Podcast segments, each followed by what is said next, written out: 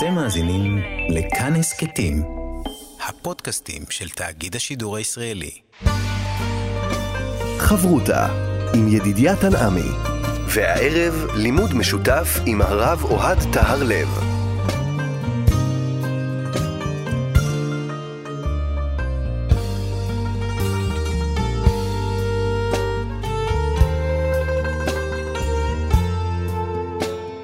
שלום, כאן מורשת חברותא לימוד משותף עם רבנים ואנשי חינוך בנושא תנ"ך, הלכה ואמונה. היום אנחנו עובדים אגדה יחד עם הרב אוהד תיארלב, ראש מדרשת עוד לידנבאום מרבני בית הלל, וכאן ליד המיקרופון, ידידיה תנעמי, שלום לך כבוד הרב. שלום לך ידידיה ולמאזינים. אנחנו לומדים היום אגדה שעוסקת בעניין של תפילה וברכה. אגדה שעוסקת בעיקר בברכה, גם בתפילה, אגדה מפורסמת, מוזרה מאוד, נמצאת במסכת ברכות דף ז עמוד א', אה, מאזיננו מכירים אותה או מהגמרא או משיר מפורסם שהאוילם שר עליה. אה, התקופה היא תקופה של סוף בית שני. אה, הגמרא פותחת ממש בתחילת דף ז עמוד א' ואומרת, אמר רבי יוחנן משום רבי יוסי, מניין שהקדוש ברוך הוא מתפלל. הקדוש ברוך הוא מתפלל, שנאמר, עונה הגמרא, ואביאותים אל הר קודשי, ושימחתים בבית תפילתי. תפילתם לא נאמר, אלא תפילתי. תפילתי, הכוונה של הקדוש, של הקדוש ברוך הוא. מכאן, אומרת הגמרא, שהקדוש ברוך הוא מתפלל. שואלת הגמרא, מה אימץ לי? מה הוא מתפלל? איזה מין תפילה יש לו? אמר רב זוטרא בר טוביה, אמר רב, יהי רצון מלפניי, שיכבשו רחמיי את כעסיי, ויגולו רחמיי על מידותיי, ויתנהג עם בניי במידת הרחמים. כן, זאת אומרת, הקדוש ברוך הוא מעצמו מתפלל כאילו לעצמו, שהוא יכבוש את רחמיו ויגול את, רח... כן, את כעסו ויגול את רחמיו על מידותיו. והוא מתפלל על עצמו שהוא יתנהג עם בניו במידת הרחמים ולא במידת הדין, ועוד משהו, ואכנס להם לפנים משורת הדין. ומיד אחרי זה, הגמרא מביאה ברייתא, שכנראה באה לחזק את דברי רבי יוחנן משום רבי יוסי, וברייתא דומה, אבל היא בעצם סיפור, והיא בעצם מרכז ההגדה שלנו. שהיא המוכרת. שהיא המוכרת, כן. אמר רבי ישמעאל בן אלישע, פעם אחת נכנסתי להקטיר קטורת לפני ולפנים. כן, כנראה היה יום כיפור, ואז הוא נכנס להקטיר קטורת, וראיתי הקטריאל יא השם צבאות, שהוא יושב על כיסא רם ונישא. פשט הפשוט, ראה את הקדוש ברוך הוא בכבודו ובעצמו יושב על הכיסא שלו. ואמר לי, ישמעאל בני ברכני.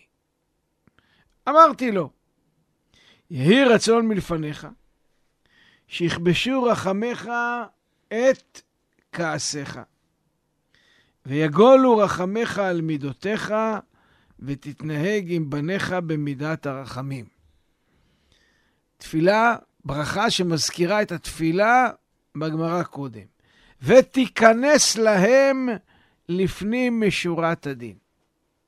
אותו דבר, שם רק הקדוש ברוך הוא דיבר על עצמו, פה רבי ישמעאל מברך אותו. ונענה לי בראשו. הסכמה. הסכמה. ואומרת על זה הגמרא, וכמה שמלן, שלא תהא ברכת אדיוט קלה בעיניך. זה מה שהגמרא לומדת מהסיפור. והגמרא הזאת היא גמרא מאוד מוזרה, עם קושיות מאוד קשות. ראשית, היא פתיחה לחלק מקובץ אמרות של רבי יוחנן משום רבי יוסי, אבל כמובן לא לחינם, אנחנו עוסקים במסכת ברכות, היא נמצאת בעניין הזה של ברכה, וגם אנחנו עוסקים כמובן בנושא הזה של התפילות, מסכת ברכות עוסקת בענייני תפילות. השאלה הגדולה שמתעוררת לנו, לפחות בחלק הראשון של דברי רבי יוחנן משום רבי יוסי, מה המשמעות הרוחנית, התיאולוגית, הדתית, שהקדוש ברוך הוא מתפלל. מה הפירוש? מה, הקדוש ברוך הוא זקוק לתפילה? אנחנו מתפללים אליו. אדם שמתפלל לכאורה הוא חסר. אז מה הכוונה שהקדוש ברוך הוא מתפלל? מה אנחנו יכולים ללמוד? הגמרא אומרת שלומדים את זה מהפסוק, והביאותים אל הר קודשי ושימחתים בבית תפילתי. אז מה ניתן ללמוד מזה שלומדים את זה דווקא מהפסוק הזה? מה זה בית התפילה של הקדוש ברוך הוא? כן, מה זה בית תפילתי? מהו הבית הזה? מה משמעות התפילה שהקדוש ברוך הוא מתפלל אל עצמו? יהי רצון מלפניי, שיכבשו רחמיי את כעסיי. כן, הוא כאילו מתפלל, והוא יוצר תנועה של uh, תפילה שהוא יתנהג עם בניו uh, בצורה טובה יותר של רחמים. מה המשמעות של התוספת שמופיעה פה? ביטוי קצת קשה להבין, ואכנס להם לפנים משורת הדין. לאן הוא נכנס, איפה הוא היה ולאן הוא נכנס. מה ההבדל בין מידת הרחמים לשורת הדין? או, לפנים זה משורת הדין? הפשט של החלק הראשון של התפילה. אז מה, מה, מה זה מוסיף לי? מיהו הקטריאל יהיה השם צבקות? מיהו? ואם באמת אה, זה הקדוש ברוך הוא, כמו שנראה כמו הפשט, למה דווקא הקטריאל? יש כל כך הרבה שמות לקדוש ברוך הוא. מדוע אותו שם, הקטריאלי, השם צבקות, זקוק שיברכו אותו? מה יש בשם הזה שהוא מזמין את הברכה? יש לנו כמה וכמה חומרים פה בהגדה. מה המשמעות שרבי ישמעאל בדיוק נכנס להקטיר קטורת? מה מסמלת הקטורת? מה המשמעות שהקדוש ברוך הוא יושב על כיסא רם ונישא? מאיפה הביטוי הזה מופיע? מוכר לנו מישעיה, נביא. שהיה. מדוע הוא עומד? למה הוא לא עומד? למה הוא דווקא יושב? מה המשמעות של תוכן הברכה? הרי היא מאוד מאוד דומה, אם לא, כמעט לא במילה במילה, לתפילה שהקדוש ברוך הוא מתפלל. אז למה הוא בעצם צריך שמישהו יברך יברך אותו? אותו, הוא יכול אה, בעצמו. לברך את עצמו, להתפלל. זאת אומרת, יש פה ניגוד מאוד מעניין, כי אם החלק הראשון של הגמרא מספרת לנו שהקדוש מהמם. ברוך הוא מתפלל, אז אם הוא מתפלל, הוא גם יכול לברך. למה הוא צריך מישהו שיברך אותו? מה המשמעות שהוא נענה לי בראשו? כן, מה, למה זה חשוב לי הפרט כזה? ולמה הגמרא אומרת בסיום ההגדה, כמשמע לן שלא תהא ברכת הדיוט בעיניך. למה ההבנה הזאת כל כך חשובה לי, שברכת הדיוט לא תהיה קלה בעיניך? מה ניתן ללמוד פה על המברך? ומה ניתן ללמוד על הברכה? מה המשמעות, שזה אותו דבר, כן? יש לכאורה, גם התפילה וגם הברכה הם אותו טקסט כמעט. אז מה עושה את זה תפילה, ומה עושה את זה ברכה? וכמובן, כמובן, מה ניתן ללמוד מהאגדה הזאתי לנו לימינו? מה היא באה לספר לנו? מה אנחנו צריכים לקחת מהאגדה הזאתי איתנו ליום-יום? אבל אין ספק שהיא גמרא מאוד מאוד מאוד מוזרה. וכי הקדוש ברוך הוא צריך שיברך אותו? וכי הקדוש ברוך הוא צריך להתפלל? אז השאלה כמובן הכבדה ביותר פה היא השאלה התיאולוגית, מה זה? מה זה הקדוש ברוך הוא צריך שיברכו אותו, או הוא צריך בעצמו להתפלל? ואני מרשה לעצמי לשאול, מה ההבדל, אם יש הבדל, בין תפילה לברכה. לבין ברכה? ממש ככה. הייתי מוסיף עוד שאלה, האם יש משמעות לתזמון הזה, שזה דווקא קורה ביום הכיפורים? מדהים, נכון? שאלה קשה מאוד. מה זה אומר לנו? מה קורה ביום הכיפורים? למה דווקא שם הוא ראה אותו, את הקטריאל הש, השם צבקות? דרך אגב, יכול להיות, חלק מהפרשנים אומרים את זה, שזה לא היה הקדוש ברוך הוא, שזה היה מלאך, שיש מלאך שקוראים לו. אבל איך שלא יהיה, אה, זה מעורר אה, קושייה גדולה ורבה מאוד. חברותה עם ידידיה תנעמי. חברותה כאן במורשת, חברותה באגדה, יחד אה, עם הרב אוהד אה, טהרלב. ואנחנו עכשיו ננסה להבין את ההבדל בין תפילה וברכה, כי ראינו כאן גם את הלשון של תפילה וגם את הלשון של ברכה, שהן אה, דומות, ובכל זאת נראה שההדגשה פה היא דווקא על הברכה. כן, ההדגשה היא על הברכה, כביכול החלק של התפילה הוא, הוא הקדמה כזאת לחלק השני, שהקדוש ברוך הוא זקוק לברכה. ובאמת, אה, אה, רב חיים מוולוז'ין בספרו נפש החיים, בשער ב', הוא מבאר שם בהרחבה את נושא הברכות, והוא טוען שבדרך כלל אנחנו רגילים לחשוב שאנחנו אומרים ברוך אתה השם, אנחנו משבחים את הקדוש ברוך הוא, את ריבונו של עולם. או אנחנו אומרים, אתה מפואר, אתה כזה. אה, אבל, אבל קשה להסביר מה פירוש המילה ברוך לפי זה, כמו שאנחנו מוציאים בפרשת הברכות, בספר דברים, כי תבוא. שם כתוב, ברוך אתה בבואך, ברוך אתה בצאתך. אז, אז, אז, אז מה המשמעות של זה? הרי ברור שכאן המשמעות של המילה ברוך היא לא במשמעות של אתה משובח, אתה מפואר. בא רב חיים, רב חיים מוולוז'ין, לא מבריסק, ומחדש שכל פעם שכתוב את המילה ברוך, המשמעות תוספת וריבוי. כמו שיש הברכה. או, הברכה, לוקחים את הענף, מחברים אותו לאדמה, והנה אחרי זה יוצאת... תוספת. תוספת. יוצא עוד ענף. זאת אומרת, הקדוש ברוך הוא בורא את עולמו, כדי שתהיה לו יתברך דירה פה למטה, בעולמות התחתונים, mm-hmm. וכדי שברואיו יגלו אותו בעולמות, לכן הם צריכים להרבות את כבוד שמיים. כן. כל פעם שאדם מברך ברכה, הוא מגלה על ידי הברכה את הקדוש ברוך הוא, את קיומו של הקדוש ברוך הוא בעולם. הוא מעיד כי כבוד הבורא מתגלה באמצעות הדבר עליו הוא מברך. כן? ככה הקדוש ברוך הוא מתגלה בכל דבר ודבר על ידי הברכות. אבל זה נכון לא רק לגבי דברים טובים, אלא גם לגבי דברים רעים. כמו שאנחנו מברכים על דברים רעים, ברוך דיין האמת. האמת. אז גם פה יש, לא נגיד שאנחנו רוצים להוסיף עוד איזה שהן רעות. אז, אז... אבל הקדוש ברוך הוא מתגלה גם בזה. הקדוש ברוך הוא מתגלה כמובן גם בזה, ואם תרצה, למדנו את זה פעם, לא ניתנה תורה אלא לאוכלי המן. מסביר הארי, למה, מה הקשר בין התורה לבין אוכלי המן? הארי אומר, כשאדם, המן הוא לחם מן השמיים. הלחם הוא לחם מן הארץ. לחם מן הארץ הוא, כשאני, הוא, החיות שלו באה מלמטה. מה נותן לו את החיות? כי לא על הלחם לבדו יחיה אדם, mm-hmm. כי על מוצא פי השם יחיה אדם. מה פירוש? הלחם, יש לו חיות שמחזיקה אותו, ככה כותב הארי. החיות הזאת היא, היא האותיות.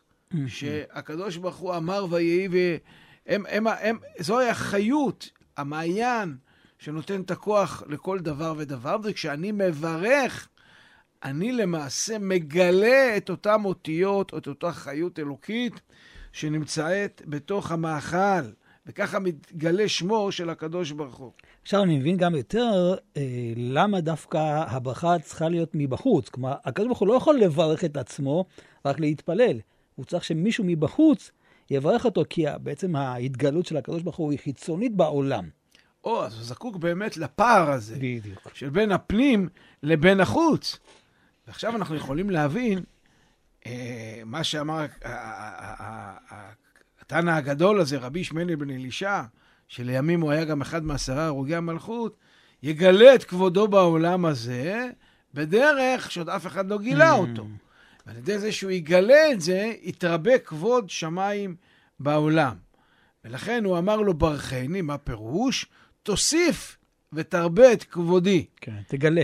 כן. כן. זה, ואז רבי ישמעאל, מה הוא עושה? בצורה חריפה ביותר, מעביר את הכדור, את המשימה, למגרש של הקדוש ברוך הוא. ואומר לו, הדבר תלוי בך. אם יגולו רחמך על מידותיך, כבודך אכן יתגלה מאוד מאוד. היה מי שרצה להמשיל משל מאוד יפה ואמר, משל לאבא שצועד עם הבן שלו, לפית הבן נכנס לקריזה, צועק, משתולל, נשכב, לא מוכן לזוז, יש אבא אחד שיישאר אדיש. כאילו לא קרה כלום. ממשיך להתנהג כרגיל, הוא מכיר את הסחורה שלו, לא מגיב בשום צורה להתנהגות החריגה של הבן שלו. סיפור אחר, או מקום אחר, יכול לקרות בכל מקום, עוד אבא צועד עם בן. שם גם הבן מתנהג בצורה לא יפה, אבל שם האבא מנסה לשדל אותו ולעצור אותו מההתנהגות המחפירה. בשלב מסוים האבא רוצה להרים את היד, לתת לו מכה, בשנייה האחרונה הוא מתחרט ומשיב את ידו אחורה. כן, אם היינו שואלים איזה אבא גילה יותר את אהבתו ואת רחמיו כלפי בנו, אותו אבא שכלל לא כעס, או האבא, כן, ולא העלה על דעתו להעניש, נשאר באיזושהי אדישות, אה, כן, גם אם כי הוא מאוד אהב אותו, אה, וקיבל בסלחנות את, את, את השיגעונות שלו, או אולי האבא שחמתו בערה בו. אבל אהבתו גרמה לו ברגע האחרון לעצור את היד ולא להכניס לבן שלו את הפליק שלו. אם אנו בוחנים את הדבר מצד הקשר שבין האב לבן, אין ספק כי דווקא האב השני, שלא שמר על אדישות, הביע בצורה מלאה יותר, מוחשית יותר, את רגשותיו כלפי בנו. ורבי ישמעאל בן אלישע עומד בתוך קודש הקודשים, במקום הקדוש ביותר לעם ישראל, ביום הקדוש ביותר, יש פה הצלבה של מקום ויום, ברגע המרומם ביותר באותו יום, שזה הזמן של הכתרת הקטורת, והנה לפתע פונה אליו הקדוש ברוך הוא ואומר לו, כמו אב על בנו, ישמעאל בני ברכני, גלה את כבודי בעולם. זאת אומרת, משמעות הברכה היא גילוי הכבוד, והנה בא רבי ישמעאל לגלות את כבודו בדרך שאף אחד אחר לא אה, אה, גילה אותו. כי מה, בתקופה הזאת היה חוסר של כבוד השם בעולם? זה כב- זמן של בתקופה אסתר? הזאת, שלהי תקופת בית שני, מצבו הרוחני של עם ישראל לא משהו, לא מתנהג כמו שצריך. רבי ישמעאל יודע כבר שגורלו של בית המקדש נחרץ להיחרב, ומי יודע מה, מה ילד יום ומה יהיה גורל עם ישראל. הוא ככה רואה את היד של הקדוש ברוך הוא מונפת באוויר, והיא באה להכניס איזה פליק לעם ישראל, כן? מכה ככה קשה מאוד מאוד מאוד מאוד, לכן הוא בוחר להעביר חזרה את הכדור למגרש של הקדוש ברוך הוא. הוא אומר לו, תשמע, אם תרביץ, יראו את גודלך ואת ידך החזקה, אך את זה כבר ראינו בחורבן בית ראשון. עכשיו אנחנו רוצים הפוך. מה יהיה כבוד גדולתך, איך כבודך יתרבה אם תעצור את עצמך, תכבוש את רחמיך, כן, תכבוש את כעסך ויגולו רחמיך על מידותיך, כמו אותו אבא שבשנייה האחרונה עוצר את עצמו ולא מכה אותו, וזה הפשט, ייכנס עמנו לפנים משורת הדין. ובזה תגלה לא רק את שאתה אוהב את הבן, אלא גם שאתה מושל, שאתה מלך, כי יש לך אה, יכולת יפה. אז למלוך. לא רק מידת הרחמים של ותרנות, אלא הולכים פה לפי הדין, אבל לפנים משורת הדין. ממש ככה, זה הפשט. זה הפשט. להיכנס לפנים משורת הדין. ובתגובה הזאת, הקדוש ברוך הוא מסכים איתו. ואומר לו, אתה צודק, עכשיו ככה יתגלה כבודי יותר בעולם. מה, מה אנחנו לומדים מהסיפור הזה? מה, מה לומדים פה? בעצם רבי ישמעאל, באותו פעם שהוא נכנס, הוא מתקרב מאוד מאוד לקדוש ברוך הוא. כן, כי זה יום הכיפורים גם. הכיפורים, המקום הכי קדוש. הוא, אם תרצה, זוכה לראות ממש את הקדוש ברוך הוא, כפשוטו. כן, אב ובנו נפגשים, מה מבקש האב מבנו? תברך אותי. הבן שהגיע בעבודת השם למקום מאוד פנימי, מתאחד עם אביו כביכול, כן? והוא מברך. מה הוא מברך? הוא מברך בדיוק כמו שהתפילה הייתה מקודם. כן, אבינו שבשמיים באהבתו אלינו, רצה לנהוג איתנו במידת הרחמים ולפני משורת הדין. וכשרבי ישמעאל מבקש בקשה עבור עם ישראל, הוא כאילו מבקש טובה לקדוש ברוך הוא, לא לעם ישראל. כמובן, גם עם ישראל מרוויח מזה, אבל כאילו זה מהקדוש ברוך הוא, לכן הקדוש ברוך הוא מבקש, ברכני, כן? כי הבקשה שרבי ישמעאל מבקש עבור עם ישראל, מעלה עליו הכתוב כאילו הוא מברך אותו. אם הבן שלי יתברך, אם אני אדאג להתנהג אל הבן שלי בצורה טובה, אז, אז באמת אה, אה, הרחמים יגולו על ה... השתלטו על הדינים. כי יש כאן מעגל סגור. נכון מאוד, ממש יפה. ככה. ובעצם אפשר ללמוד שכל יהודי הוא בנו בכורו של הקדוש ברוך הוא, ולעתיד לבוא עם ישראל כולם יהיו כהנים, אה, ואתם תהיו לי ממלכת כהנים וגוי קדוש, וכבר עכשיו יש לנו כוחות של כהנים. בכל יום אנחנו פותחים בברכת כהנים, ולכן יש לנו כוח להיות שותפים לקדוש ברוך הוא בתפילתו, ולהיות שותפים לתפילה שלו, שהוא באמת ישנה את דרך התנהגותו שלו איתנו. וכמו שהקדוש ברוך הוא נהנה בראשו כאות הסכמה, כהמשכת השפע, mm-hmm. גם לנו הוא ינענע בראשו, אנחנו מקווים ככה, ויסכים וימשיך לנו שפע אה, רב. המשמעות של דווקא בראשו, כלומר, אתה יכול גם ביד לעשות איזו תנועה של הסכמה. הראש הוא באמת דבר מאוד מרכזי וחשוב, עוד ניגע בו בהמשך, אבל אין ספק, כי יש פה, את הקדוש ברוך הוא, יש פה איזשהו ציור דמיוני שיושב על הכיסא, והנה הראש שלו מתנענע. זאת אומרת, לא סתם הראש עצמו אה, מתנענע. אני חייב להביא פה את הרב קוק, הרב קוק בעין היה, על ההגדה פה, אה, כותב מאוד יפה. שהמטרה של התפילה היא לרומם את הנפש, שהיא תהיה במקום רוחני יותר גבוה ממה שהיא באמת מתנהגת בדרך כלל, כן? אה, ולכן התפילה פועלת על אדם שמבקש משהו, שיהיה ראוי למלות את חסרונו. הרי הקדוש ברוך הוא אין לו בעיה, הוא יכול לתת לנו כל שפע, אבל תמיד צריך שאנחנו נהיה מוכנים לקבל את השפע הזה.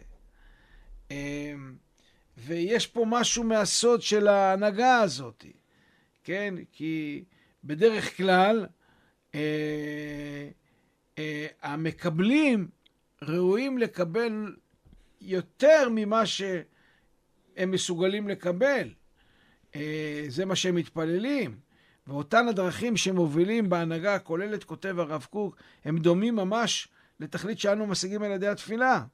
כן, זה נקרא שהקדוש ברוך הוא מתפלל. אנחנו רוצים שהוא ייתן לנו שפע יותר ממה שאנחנו אה, מגיע. זה בעצם גם הברכה. או, בדיוק, זה גם וואו. בעצם הברכה, מעין מציאות כזאת של גאולה. ואומר הרב קוק שהעיתוי הוא עיתוי קשה. כי כשעם ישראל נמצא במצב קשה, ומכשולות רבות, ו- ו- ומציאות קשה ביותר. יכול להיות שאדם יגיע, עם ישראל יגיע למצב של כל כך ייאוש, של כל כך רפיון ידיים, ולהתייאש ככה מהתקומה שלו, אה, אה, כי לא מגיע לו, ואז הקדוש ברוך הוא יגלה שיש לו אופציה שהנה אתה יכול לקבל עוד יותר ממה שראוי. וזה הברכה, ברכה זה תוספת. תן לי יותר ממה שמגיע לי, כי המצב הוא מאוד מאוד מאוד קשה. ואומר הרב קוק, זה הפשט, שהגמרא לומדת, אל תהי, כמשמע לן, אל תהי קלה בעיניך ברכת הדיוט. למה אל תהי קלה בעיניך ברכת הדיוט? בגלל שהמטרה של הברכה אה, אה, זה שבאמת כל אחד יביא שפע ותוספת לשני, על מנת שכולנו נוכל לחיות אחד עם השני, ולכן הברכה לא מועלת רק מצד ערכו הפרטי של המברך, אלא זה לא משנה איפה הוא נמצא. כי זה מין הרי... חוק שתמיד אני זקוק שכל אחד יברך את השני. זאת אומרת, כדי שהברכה תחול, היא חייבת לבוא ממישהו אחר ולא מעצמך. צריך שמישהו יברך אותך. כן, כי לכאורה הרי פה מדובר על אה, ישמעאל שהוא כהן גדול, אז מה זה ברכת אה, הדיוט? אלא כפי שאתה אומר, זאת אומרת, אה, כל אחד ואחד יכול לתת את התוספת ברכה הזאת.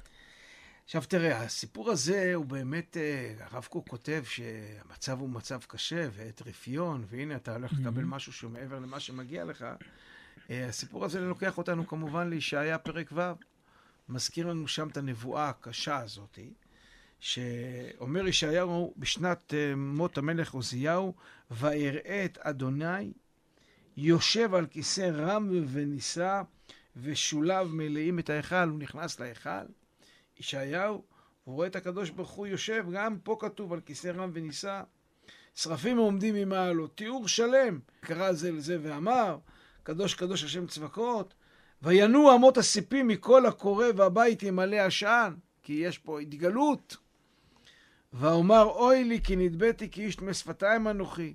אמרתי לשון הרע, ובתוך טמא שפתיים אנוכי יושב, וכולי. ואז מגיע אחד מן השרפים ונוגע על שפתו. הוא בעצם, ככה מסבירים הפרשנים, אמר קצת לשון הרע על עם ישראל. וישמע את כל אדוני אומר, את מי אשלח ומי ילך לנו? ויאמר, הנני, שלחני. ויאמר, לך ואמרת לעם הזה, שמעו שמוע ואל תבינו, ראו ראו ואל תדעו. אשמן לב העם הזה, ואוזניו אכבד, ועיניו הושע פן יראה בעיניו, ובאוזניו ישמע ולבבו יבין, ושב ורפא לו.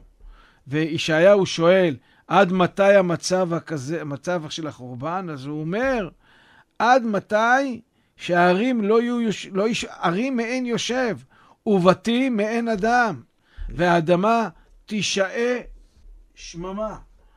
זאת אומרת, החורבן יהיה כל כך קשה, שלא יישאר שום דבר. ואם באמת יש פה מקבילה, שפה יש לנו תיאור של חורבן מאוד גדול, של דינים מאוד גדולים, כי גם פה הקדוש ברוך הוא יושב על כיסא רם ונישא, וגם שם הוא יושב על כיסא רם ונישא.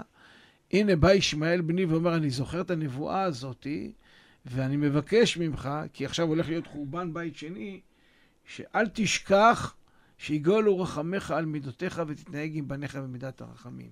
שלא יהיה מצב של נטישה כל כך קשה, כמו שהקדוש ברוך הוא נטש אותנו בבית ראשון, אלא תזכור אותנו, אל תנטוש אותנו. יש פה ברקע חרדת נטישה מאוד מאוד גדולה. חברותה עם ידידיה תנעמי. חברותה כאן במורשת, חברותה יחד עם הרב אוהד טהר לב, אנחנו עם הסיפור, עם האגדה של רבי ישמעאל כהן גדול שנכנס להקטיר קטורת, ובעצם דרך הקטורת וגם דרך הברכה הוא מבקש אה, לעורר את מידת הרחמים לקראת החורבן שעתיד להיות. והעניין של הקטורת מזכיר לי את אהרון, שרץ עם הקטורת ומכפר על העם. או, הקטורת לוקחת אותנו, באמת, יש פה סמלים בהגדה מאוד חשובים, שאין ספק שהקטורת לוקחת אותנו לאהרון שעוצר את המגפה, ולקורח, וכבר עסקנו פה בקטורת גם בעבר. אבל יש פה אגדה דמיונית להפליא, מלאה סמלים. אה, כבר שאלנו מה, מה, מה המטרה שלהם, מה המשמעות שלהם. יש לנו את הקדוש ברוך הוא יושב על כיסא רם ונישא. יש לנו קטורת, כמו שהזכרת. יש לנו את השם הזה, קטריאל. יש פה ברכה, ברכני בני. יש פה את יום כיפור. כל הסמלים האלו לוקחים אותנו, אני חושב, על איזושהי חוויה עמוקה ביותר שהייתה לרבי ישמעאל. ואם היא הייתה לרבי ישמעאל כשהוא נכנס לפני ולפנים, זאת חוויה שקיימת בכל אחד מתוכנו. זאת אומרת, אם הוא מספר על החוויה, גם לנו יש חוויה על עצמנו. במילים אחרות, האגדה הזאת היא ראי של כל אדם ואדם בעצמו. כל אדם. לכן נאמר, אל תהיי קלה ברכת אדיוט. לכן נאמר, אל תהיי קלה. בעיניך ברכת אדיוט, כי כל אדיוט יכול להגיע למצב הזה. יכול להגיע למצב הזה. כל אדם שיש לו נשמה, כל אדם שיש לו רצונות. בואו נתחיל אולי על uh, הקטריאל. הקטריאל, הפרשנים התלבטו האם זה שם של מלאך או שמו של הקדוש ברוך הוא, בכבודו ובעצמו. במילה הקטריאל יש את המילה כתר. כתר בקבלה מסמל את הרצון. הרצון הפנימי ביותר של האדם, המקום הפנימי ביותר של האדם. לפני ולפנים. לפני ולפנים. כשאדם רוצה, הוא נמצא במקום הכי פנימי. ומה אומרים לנו פה? כשאתה נמצא במקום הזה, אתה צריך לנצל את המצב ולייצר אנרגיות של רחמים וחסד ולא של דין. אני רוצה להסביר מה פירוש האדם רוצה. מה זה הלפני ולפנים? היה פעם איזה פילוסוף רוסי שתיאר את אה, האדם כמשל של מרכבה עם עגלה וסוסים. המרכבה זה הגוף של האדם. הסוסים זה הרגשות. העגלון הוא השכל. מנתב את הרגשות, לוקח את העגלה קדימה. מה יש לי בתוך העגלה? הרצון. בעל העגלה. הוא בא, קם בבוקר ואומר לעגלון, אתה רואה, אני רוצה להגיע לדוך, זה מה שאני רוצה. זאת אומרת, הרצון נמצא במקום הכי הכי הכי פנימי. אז כשאדם מגיע לפעמים למצב של רצון מאוד פנימי, חוויה מאוד אדירה, לאן אתה מנצב את הרצון שלך? לאן אתה רץ? רצון מלשון רצו ושוב, לאן אתה רץ? אתה יכול לנתב את האנרגיות לאנרגיות קשות, וזה יהיה דינים, ואתה יכול לנתב את האנרגיות למקום של רכות. אם תרצה, הקטורת, איפה שהקטורת נמצאת, קטורת היא הסמל שהופכת את הדין מהרחמים בגלל המיסטיקה של הריח. כן, הוא מייצר מצב של, של אה, טשטוש גבולות. ו, וזה מה שקורה כשאהרון רץ ועוצר את המגפה.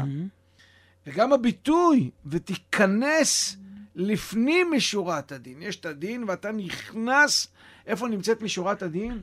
במקום הכי עמוק והכי פנימי, שלא עובד על פי הדין, אלא על פי משורת הדין. זאת אומרת, יש מקום מאוד מאוד מאוד עמוק, ששם נמצא הרחמים והאהבה. אני תמיד אוהב להגיד בחופות, אה, שלמעשה, במקום הכי עמוק, במקום של אהבה, שם תמיד יש חמלה, שם תמיד יש רחמים.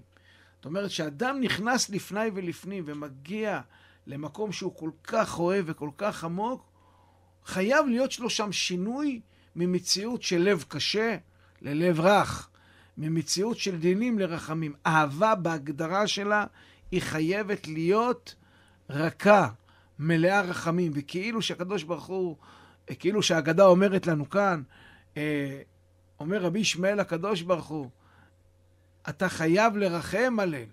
כי אם אנחנו נמצאים לפני ולפנים, שם אני מתחבר אליך, זה מקום האהבה, זה לא מקום דינים. ולשים לב שיש לנו כאן הקבלה מלאה בין התפילה של הקדוש ברוך הוא לבין הברכה. כן, ממש אותם מילים.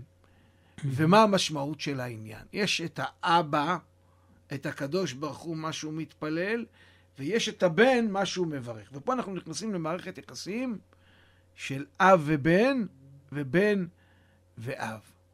מה מערכת היחסים בין האב לבן לבין האב והבן? לשניהם יש מטרה אחת, של מערכת יחסים אהובה, נעימה, שתביא לחיבור ולא לניתוק. קטורת, זה שם של אה, קשירה. לקשור, לחבר ביניהם, ללא עיכובים.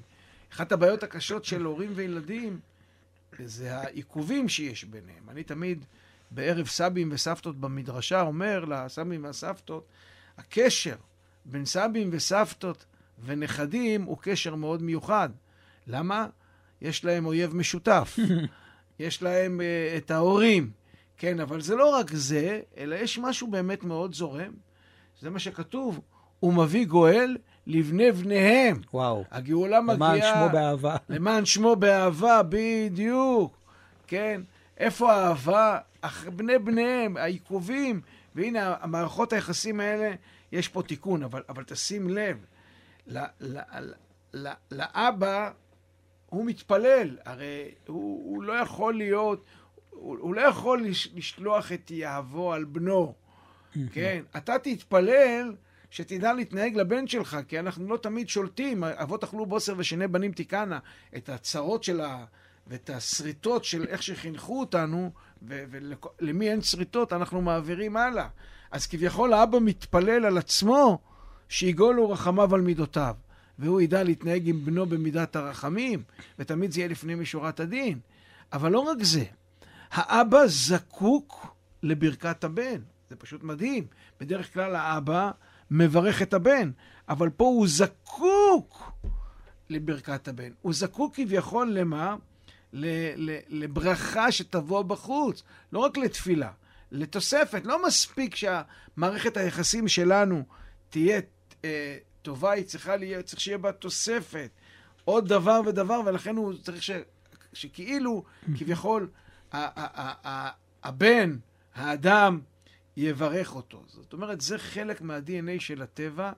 כל אחד זקוק לשני, ואפילו האלוקות עצמה זקוקה לאדם שיברך אותה. פעם פרופסור שלום רוזנברג, זיכרונו לברכה, הסביר שלפי הקבלה, הקדוש ברוך הוא מנהל את עולמו כמו תיאטרון בובות. היד למעלה סוחבת, אבל ניתנה לאדם, לבובה, למשוך את החוטים ולהתנהל עם החוטים. עכשיו מתברר, לפי האגדה הזאת, שמי שמשחק פה עם התיאטרון בובות, שזה יד ההשגחה, היא מעוניינת, היא צריכה שמישהו פה. למטה ימשוך כדי לשמור על החוט הזה, מתוח. על הקשר הזה, מתוח, תקין, שהוא לא ייקרע, הוא זקוק לברכה, כי אחרת הידיים יתעייפו כאילו. הידיים צריכים להמשיך לעבוד, ולכן איך הם ימשיכו לעבוד ולא יקרו את החוט? שיגולו רחמך על מידותיך ותתנהג עם בניך במידת הרחמים. וזה מדהים, כי אם תמיד חשבנו שהבן זקוק לאב, אז אנחנו צריכים לדעת, אנחנו האבות, שכולנו גם בנים, קצת ענווה. אנחנו גם זקוקים ותלויים אה, בבנים שלנו, וכביכול, כמובן, זה ראי של מערכות יחסים שלנו עם הקדוש ברוך הוא. אם אני אקח את, ה... את כל מה שלמדנו פה, אז אני רוצה להסיק אה, שלוש מסקנות. מסקנה ראשונה, שתמיד תמיד במקום הכי פנימי צריכה להיות אהבה. שם נמצאת אהבה, חמלה, אה, גמישות, רחמים. אני אבל רוצה לקחת עוד דבר, שאני בתור אבא צריך להתפלל על עצמי, לעצמי כביכול. אתה בעצמך צריך להגיע לאיזושהי דבקות פנימית, להתחבר אל עצמך כדי שתהיה אבא טוב יותר. ואני גם צריך לדעת שאני זקוק לברכה של הילדים שלי. אתה יודע, אנחנו, יש לנו מנהג בבית, ביום הולדת, שכל אחד אה, מבר... מברכים אותו, עושים סבב ברכות, ואחרי זה הוא מברך את כולם. אבל כל אחד זקוק שיברכו אותו, כי כל אחד זקוק שייתנו לו שפע. אבל הברכה, הסבב הזה, הוא לא רק טוב איזה שפע אתה נותן לי. עצם הברכה מייצרת זיקה בין המברך לבין המבורך. וכביכול הקדוש ברוך הוא אומר, אני רוצה את הזיקה הזאתי, הוא לא זקוק את זה בשביל עצמו, אבל אתה זקוק לזיקה, ולכן אתה תבוא ותברך אותי, יהי רצון שנזכה לדעת גם להתפלל, וגם לברך אחד את השני, וגם תמיד תמיד תמיד להיות במקום הפנימי הזה שיש בו רק אהבה ולא דינים. תודה רבה לך, הרב אוהד טהרלב, ראש מדרשת אות לידנבאום, רבני בית הלל, כאן ידידיה תנעמי. אנחנו עוד נשוב וניפגש בחברותה הבאה. ניתן להאזין לתוכנית הזאת באתר כאן מורשת ובשאר יישומי ההסכתים. ערב טוב לך ולמאזינים. אתם מאזינים לכאן הסכתים, הפודקאסטים של תאגיד השידור הישראלי.